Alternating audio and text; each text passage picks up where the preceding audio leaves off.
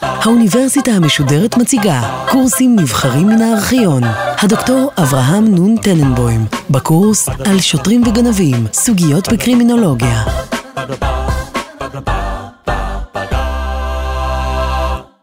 ב-12 השיחות הקודמות דנו בנושאים שונים ומגוונים בעולם הקרימינולוגיה. החל מתיאוריות המסבירות פשיעה וענישה, וכלה במדיניות החברתית כלפי סמים ועבירות צווארון לבן.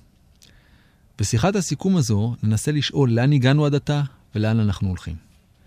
במילים פשוטות יותר, מה השגנו כקרימינולוגים ולאן צריך התחום להתפתח בעתיד. אבל אנחנו רוצים לפתוח דווקא בביקורת המצב הקיים. ישנה גישה שלעיתים היא מוצדקת, ועל פי הקרימינולוגיה עדיין במצב של חוסר בשלות. כדי לדון בטענה הזו, נתחיל עם שתי דוגמאות מפורסמות למדי. הראשונה קשורה לתיאוריה בקרימינולוגיה, והשנייה למדיניות חברתית המבוססת על ממצאים בקרימינולוגיה. נתחיל בדוגמה הראשונה. בשנות ה-60 וה-70 של המאה ה-20 הייתה רמת הפשיעה בשוויץ נמוכה יחסית, לפחות יחסית למדינות מערביות אחרות. בשנת 1973 ביקש מלומד בשם מרשל קלינארד לברר מדעית את התופעה. הוא רצה לבדוק מדוע כמות הפשיעה בשוויץ כה נמוכה. הוא ניגש לעבודה ברצינות הראויה. הוא עבר להתגורר במשך שנה בשוויץ וחקר את כל הנתונים הידועים ממקורות שונים. המסקנות התפרסמו בשנת 1978 בספר מעניין שהכותרת שלו היא ערים ללא פשע, המקרה של שוויץ. הוא הגיע למספר מסקנות חשובות שמסבירות לפי דעתו מדוע אין פשע בשוויץ. נתאר כמה מהן. א', אין כרכים גדולים בשוויץ, כמו למשל ניו יורק, לונדון או מקסיקו סיטי.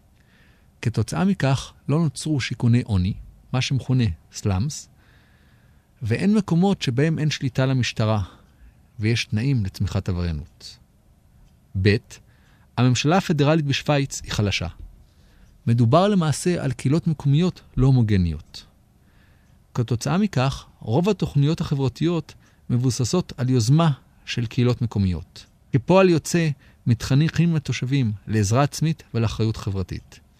ממילא הם דואגים לעצמם ולסביבה הקרובה ומונעים פשע בעודו באיבו. ג. רוב הפעילות החברתיות כוללות נערים ומבוגרים ביחד. תוצאת הערבוב גורמת לכך שלא תיווצר חבורת נערים וצעירים, המנותקת מהחברה ומעודדת פשע. ד. הצבא השוויצרי מבוסס על מילואים, וכמעט לכל אזרח יש נשק בביתו. אחת המסקנות של קלינארד הייתה שבחברות לא אלימות, הנגישות לכלי נשק איננה רלוונטית לכמות הפשיעה. אלו הן רק חלק מהמסקנות אליהן הגיע קלינארד. אלא שהוא לא הסתפק רק בתיאור. הספר מלא בהמלצות איך להוריד את הפשע בארצות המערב. הכל כמובן בהתבסס על המצב בשוויץ. המחקר של קלינרד הוא מרשים, אבל הוא היה מרשים עוד יותר לולא היה מנוגד לחלוטין להסברים המקובלים על רמת פשע נמוכה במדינה אחרת, ביפן. על פי המקובל, ישנן מספר סיבות לרמת הפשיעה הנמוכה ביפן. יפן היא מדינה ריכוזית עם ממשלה חזקה מאוד, שמעורבת בכל הצדדים של החיים. סיבה אחרת, החברה היפנית היא מאוד הומוגנית. סיבה נוספת, מלחמת העולם השנייה הרסה את כל המעמדות הפאודליים שהיו ביפן. כתוצאה מכך, נפתחו האפשרויות לפני כל האזרחים. אין יותר מעמד נמוך מסורתי שממנו מתפתחת עבריינות. וסיבה אחרונה, הפיקוח על נשק והחזקת נשק הוא מאוד קפדני ביפן. החוקים הם מחמירים ודקדקניים, ולכן הנגישות לכלי נשק קשה.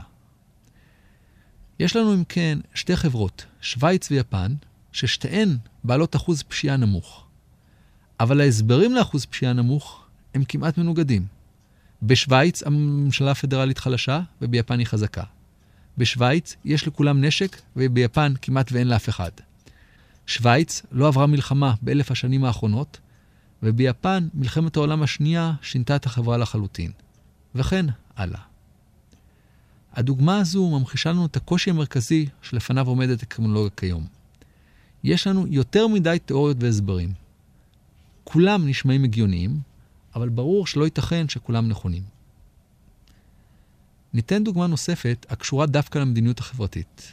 הדוגמה קשורה לניסוי מפורסם שנעשה על ידי המשטרה במינפוליס שבארצות הברית. הניסוי רצה לבדוק איזה אסטרטגיה משטרתית יעילה יותר לשם הפחתת אלימות בין שני בני זוג. המשטרה באותו אזור נקטה אחת משלוש אפשרויות, וכל מקרה של סכסוך משפחתי.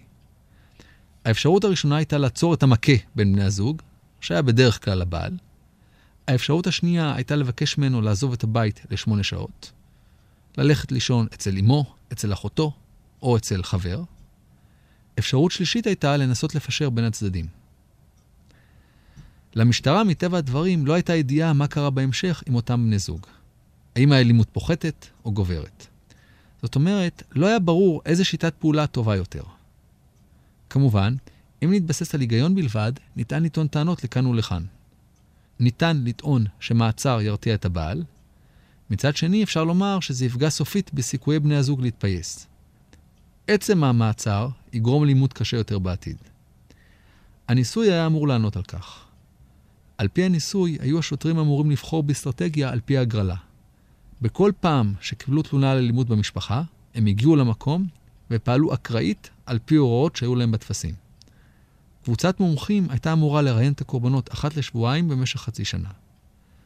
המטרה הייתה לבדוק איזה טקטיקה משטרתית תוריד את האלימות העתידית. במילים פשוטות, האם הפעולה שהמשטרה עושה משפיעה במשהו על האלימות? מהי המדיניות העדיפה? לפשר בין הצדדים, לסלק את הבעל מהבית, או לעצור את הבעל.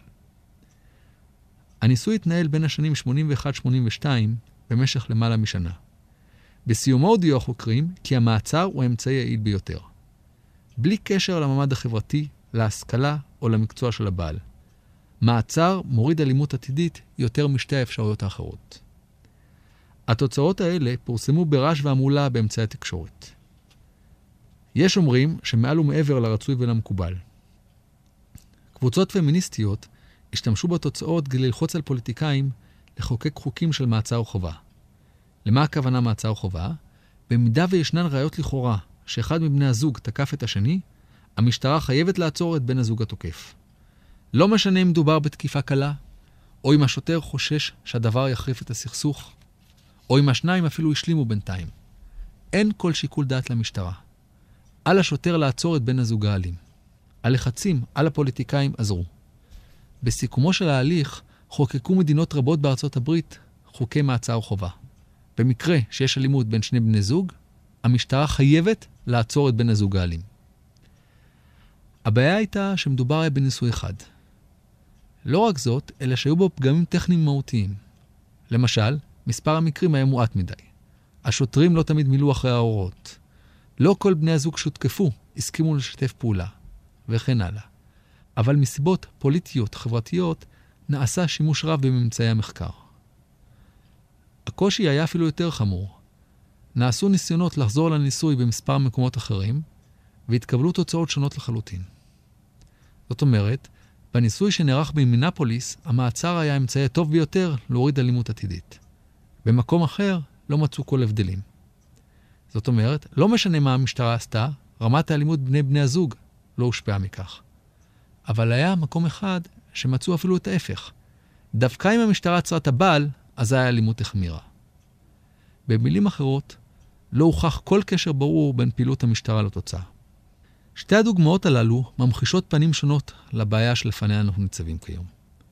הקרימינולוגיה כמדע עדיין לא הצליחה להגיע למצב שבו היינו רוצים שהיא תגיע. אנחנו לא יודעים למה בחברה מסוימת יש פחות פשע מחברה אחרת, ואנחנו לא יכולים להסביר מדוע אנשים מסוימים מעורבים בפשע יותר מאנשים אחרים. הבעיה איננה רק תאורטית. קשה להצביע על מדיניות חברתית נגד הפשיעה, שתהיה יעילה מבחינת התוצאות וסבירה מבחינה כלכלית. הדוגמה שמינפוליס מצביעה על כך, שאפילו בשאלות נקודתיות לא ברור לנו מה עדיף ומה כדאי לעשות. אבל הביקורת הזו לא צריכה להרתיע אותנו. נכון שהקרימינולוגיה במצבה הנוכחי איננה מושלמת, אבל זהו מצב כיום בכל מדעי החברה, לא רק בקרימינולוגיה. ניקח לדוגמה את מדע הכלכלה. בשנים האחרונות, וכמעט בכל תקופה, ישנם משברים מקומיים ועולמיים. גם המשק הישראלי עבר ועובר משברים שונים. אם נבדוק את התחזיות, נוכל למצוא שברוב המקרים, איש מהכלכלנים לא חזק כלל את מה שקרה. למיטב ידיעתנו, שום מומחה לכלכלה לא הצליח עד היום הזה להציג תיאוריה חד משמעית. עדיין מבוקשת תיאוריה שתצליח להסביר את הכלכלה העולמית ותיתן דרכים מוכחות לשפר את המצב. אבל למרות זאת, אף אחד לא חושב שאין צורך בכלכלנים. בראש ובראשונה, משום שאין כל אלטרנטיבה אחרת. קרימינולוגיה עדיין לא זכתה למעמד מכובד כמו זה של הכלכלה. אבל סביר להניח שזה יגיע. כפי שהסברנו בשיחות הקודמות, הקרימינולוגיה, כתחום של ידע מדעי, קיימת כמאה שנה בלבד. סביר להניח שתוך 50 שנה הבאות מצבנו יהיה טוב יותר. אחרי ההקדמה הארוכה הזאת, ואולי ההקדמה המתנצלת, הגיע הזמן להסביר כיצד אנחנו רואים את כיווני התפתחותה של קרימינולוגיה. לאן תתפתח, או לאן צריכה הקרימינולוגיה להתפתח. את עתיד הקרימינולוגיה ניתן לראות בארבעה כיוונים שבמידה מסוימת הם מקושרים זה לזה. ונתחיל. הראשון, ריבוי הידע העובדתי. השני, פיתוח החלק התאורטי. השלישי, נטילת חלק פעיל בהכוונת מדיניות ציבורית. והרביעי, עזרה בניסיון לבניית חברה צודקת יותר. נעבור עליהם אחד לאחד. הכיוון הראשון שיש להתרכז בו הוא פשוט ריבוי הידע בתחום. בכל תחום ידע מדעי מקובל לדבר מצד אחד על התופעה, ומצד שני על ההסבר. ידע מדעי מעודכן כולל את התופעה ואת ההסבר. רק אחרי שאנחנו יודעים משהו, אנחנו יכולים להסביר אותו. אחת הבעיות המרכזיות בקרימינולוגיה היא שאין לנו מספיק ידע, לפחות בשלב הנוכחי. ניקח דוגמה אחת פשוטה. יש איזושהי אמונה בציבור שרמת הפשע עולה יחסית לעבר. בעבר הפשיעה הייתה קלה יותר, ועכשיו היא חמורה. אבל האם יש בסיס עובדתי לכך? כנראה שלא. בשנת 1985 היה קרימינולוג אמריקאי בשם רייט, שטען שמדובר במיתוס בלבד. אין היום יותר פשע משהיה בעבר. האמת היא שהשאלה לא הוכרעה. ייתכן שרייט צודק וייתכן שלא. אבל אין איש מהקהילה הקרימינולוגית שיכול לסתור את טענתו. נסתכל על דוגמה ישראלית מקומית. החל מסוף שנות ה-90 של המאה ה-20, אנחנו שומעים באמצעי התקשורת על אלימות גוברת והולכת נגד נשים. האם זה נכון עובדתית? באילו מספרים מדובר? האם אכן יש יותר בעלים שרצחו את נשותיהם, או פחות? אין על כך תשובה ברורה. נסתכל על שאלה ישראלית יותר כללית. גם בישראל יש אמונה שהפשיעה עלתה יחסית לעבר. אבל האם זה נכון? האם יש יותר מקרי רצח מאשר היו בשנים הראשונות לקום המדינה? כמובן, השאלה הראשונה היא איך אנחנו מודדים את זה. כיום בישראל יש יותר מ-6 מיליון בני אדם, בעוד שבקום המדינה היו 600 אלף. ברור לכן שמספרית יהיו היום הרבה יותר מקרי רצח. ניקח שאלה חשובה אחרת שקשורה למחירי הפשיעה. אנחנו מדברים רבות על הנזק החמור שהפשע גורם לחברה, אבל האם ניתן לכמת זאת לכסף? שאלות פשוטות, כמו מהו הנזק הממוצע שנגרם עקב פריצה לבית? מהו הנזק הממוצע שנגרם לקורבן עבירת אלימות? מה הנזק שנגרם עקב שימוש בסמים? וכן הלאה. בארצות הברית יש בעניין זה מספרים שונים, או לפחות הערכות. כ-5,000 איש מתים כל שנה עקב צריכת הירואין. מספר דומה עקב צריכת קוקאין. אבל המספרים הללו מתגמדים לעומת כ-120 אלף מקרי מוות בשנה עקב אלכוהול, ו-430 אלף מקרי מוות עקב טבק. בישראל מדובר על 7,000 מתים עקב עישון כל שנה.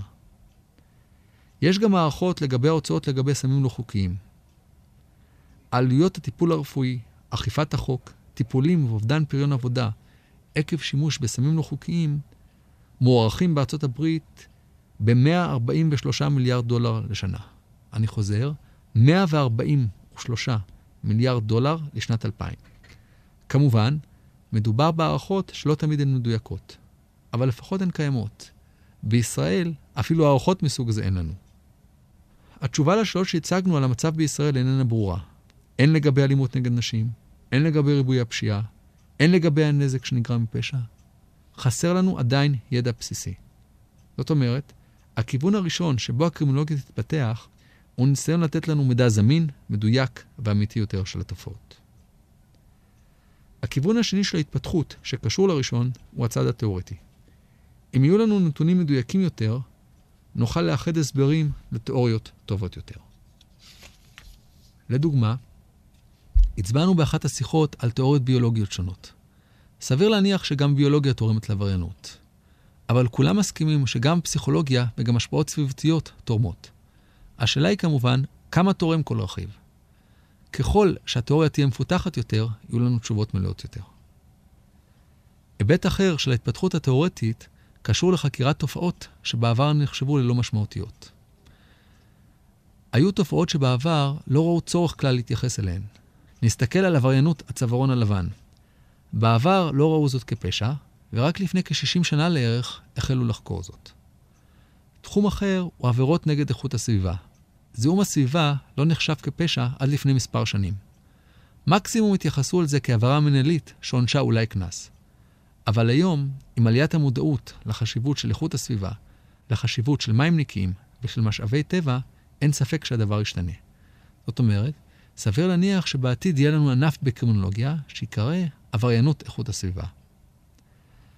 על בסיס נתונים מדויקים ותיאוריות נכונות יותר, נוכל לצפות את הכיוון השלישי. הכיוון השלישי הוא קשר ברור יותר בין הקרימינולוגיה לקביעת מדיניות חברתית. כל תוכנית כלכלית כיום מובלת בעיקר על ידי כלכלנים. לכולנו ברור שזוהי הדרך הנכונה. כך יהיה גם לגבי הקרימינולוגיה. הקרימינולוגים התבקשו לתת תשובות מעשיות על סמך התיאוריה. העצות יינתנו לאנשים שעוסקים בכך, לבתי המשפט, למשטרה, לבתי הסוהר, לשירות המבחן ועוד. הקרימינולוגים התבקשו להסביר מה המדינה צריכה ויכולה לעשות כדי להוריד את רמת הפשיעה. יש כמה דברים שאנחנו יודעים כבר כעת. אם נזכר בתיאוריה של דורקהיים, שבה דנו באחת השיחות, אז לפחות לפי דעתו, תמיד יהיה פשע. על סמך זה אנחנו יכולים לומר לעוסקים במדינות חברתית שהמגמות צריכות להיות צנועות יותר. לא נוכל להעלים פשע בכלל. נוכל רק לנסות לצמצם אותו מתוך ידיעה שחיסולו המוחלט הוא בלתי אפשרי. נתנו אבל גם דוגמאות אחרות. הצגנו את התיאוריה של חלונות שבורים לגבי סדר חברתי. הסברנו כיצד לוכדים רוצחים סדרתיים. הראינו איך הופסק הגרפיטי ברכבת התחתית בניו יורק. ועוד דוגמאות אחרות שנתנו. יש וצריך שיהיה קשר ישיר בין קרימינולוגים לאנשי המעשה. אגב, הקשר הזה בין המחקר לשטח יכול להתבטא אפילו בפעילות יומיומית. אחת השיטות במספר ערים בארצות הברית קרויה קומפסטאט, והיא פותחה בשיתוף פעולה של קרימינולוגים ושוטרים. מדובר במחשוב מיידי של כל העבירות על גבי מפות גיאוגרפיות של הערים. התוצאה היא שמפקדי המשטרה יכולים לקבל תמונת מצב מיידית בכל רגע ורגע. על סמך זה הם יכולים לפעול. נניח שמתברר שהפשע עלה באזור מסוים, כגון פארק, כיכר או כל רחוב שהוא. העובדות הללו מגיעות מיידית למפקדים הרלוונטיים, והם פועלים בהתאם. למשל, מקצים יותר סיור על אזורים בעייתיים, מנסים לבדוק מדוע הייתה עלייה באזורים אלו, וכן הלאה. הכיוון הרביעי והאחרון הוא ניסיונה של הקרימינולוגיה לתרום לחברה צודקת יותר. ישנה טענה ידועה שהדרך לבחון תופעות היא באמצעות יוצאי הדופן. אם אנחנו רוצים לבחון מתכות, הדרך לעשות זאת היא בתנאים קיצוניים. יש לבחון אותן בתנאי חום, לחץ וקור היוצאים מדרך הרגיל. באותו אופן נטען שהדרך לבחון חברה היא בצורה בה היא מתייחסת לחריגים. החריגים הם העבריינים, חולי הנפש, הלקויים בשכלם, החולים וכן הלאה. הצורה שבה חברה מתנהגת עם הפושעים מעידה יותר על החברה מאשר על הפושעים. בתחום זה יכולה הקרימינולוגיה לתרום תרומה גדולה. אבל מעבר ליחס סביר יותר לפושעים, השיח הקרימינולוגי מהווה אמירה על הצודק והלא צודק בהתנהגות אנושית. בפועל, עוסקת הקרימינולוגיה בשאלות פילוסופיות הרות עולם. מה מותר לאדם לעשות ומה אסור לו? מתי מתירה חברה פעילות פלונית ומתי היא אוסרת? האם עבריינות צווארון לבן חמורה יותר או קלה יותר מעבריינות רחוב רגילה? כל אלה הן אמירות ברורות על סוג החברה הראויה לחיות בה. הקרימינולוגיה לכן איננה רק כלי טכני למלחמה בפשיעה. היא מהווה גם הצהרה על מהות החברה האידיאלית ועל סוג החיים הראוי לחיותם. כמובן, לא ברור כלל שדווקא הקרימינולוגים הם הראויים לענות על שאלות אלו. אבל כמו כולנו, הם אינם פטורים מלהשתדל.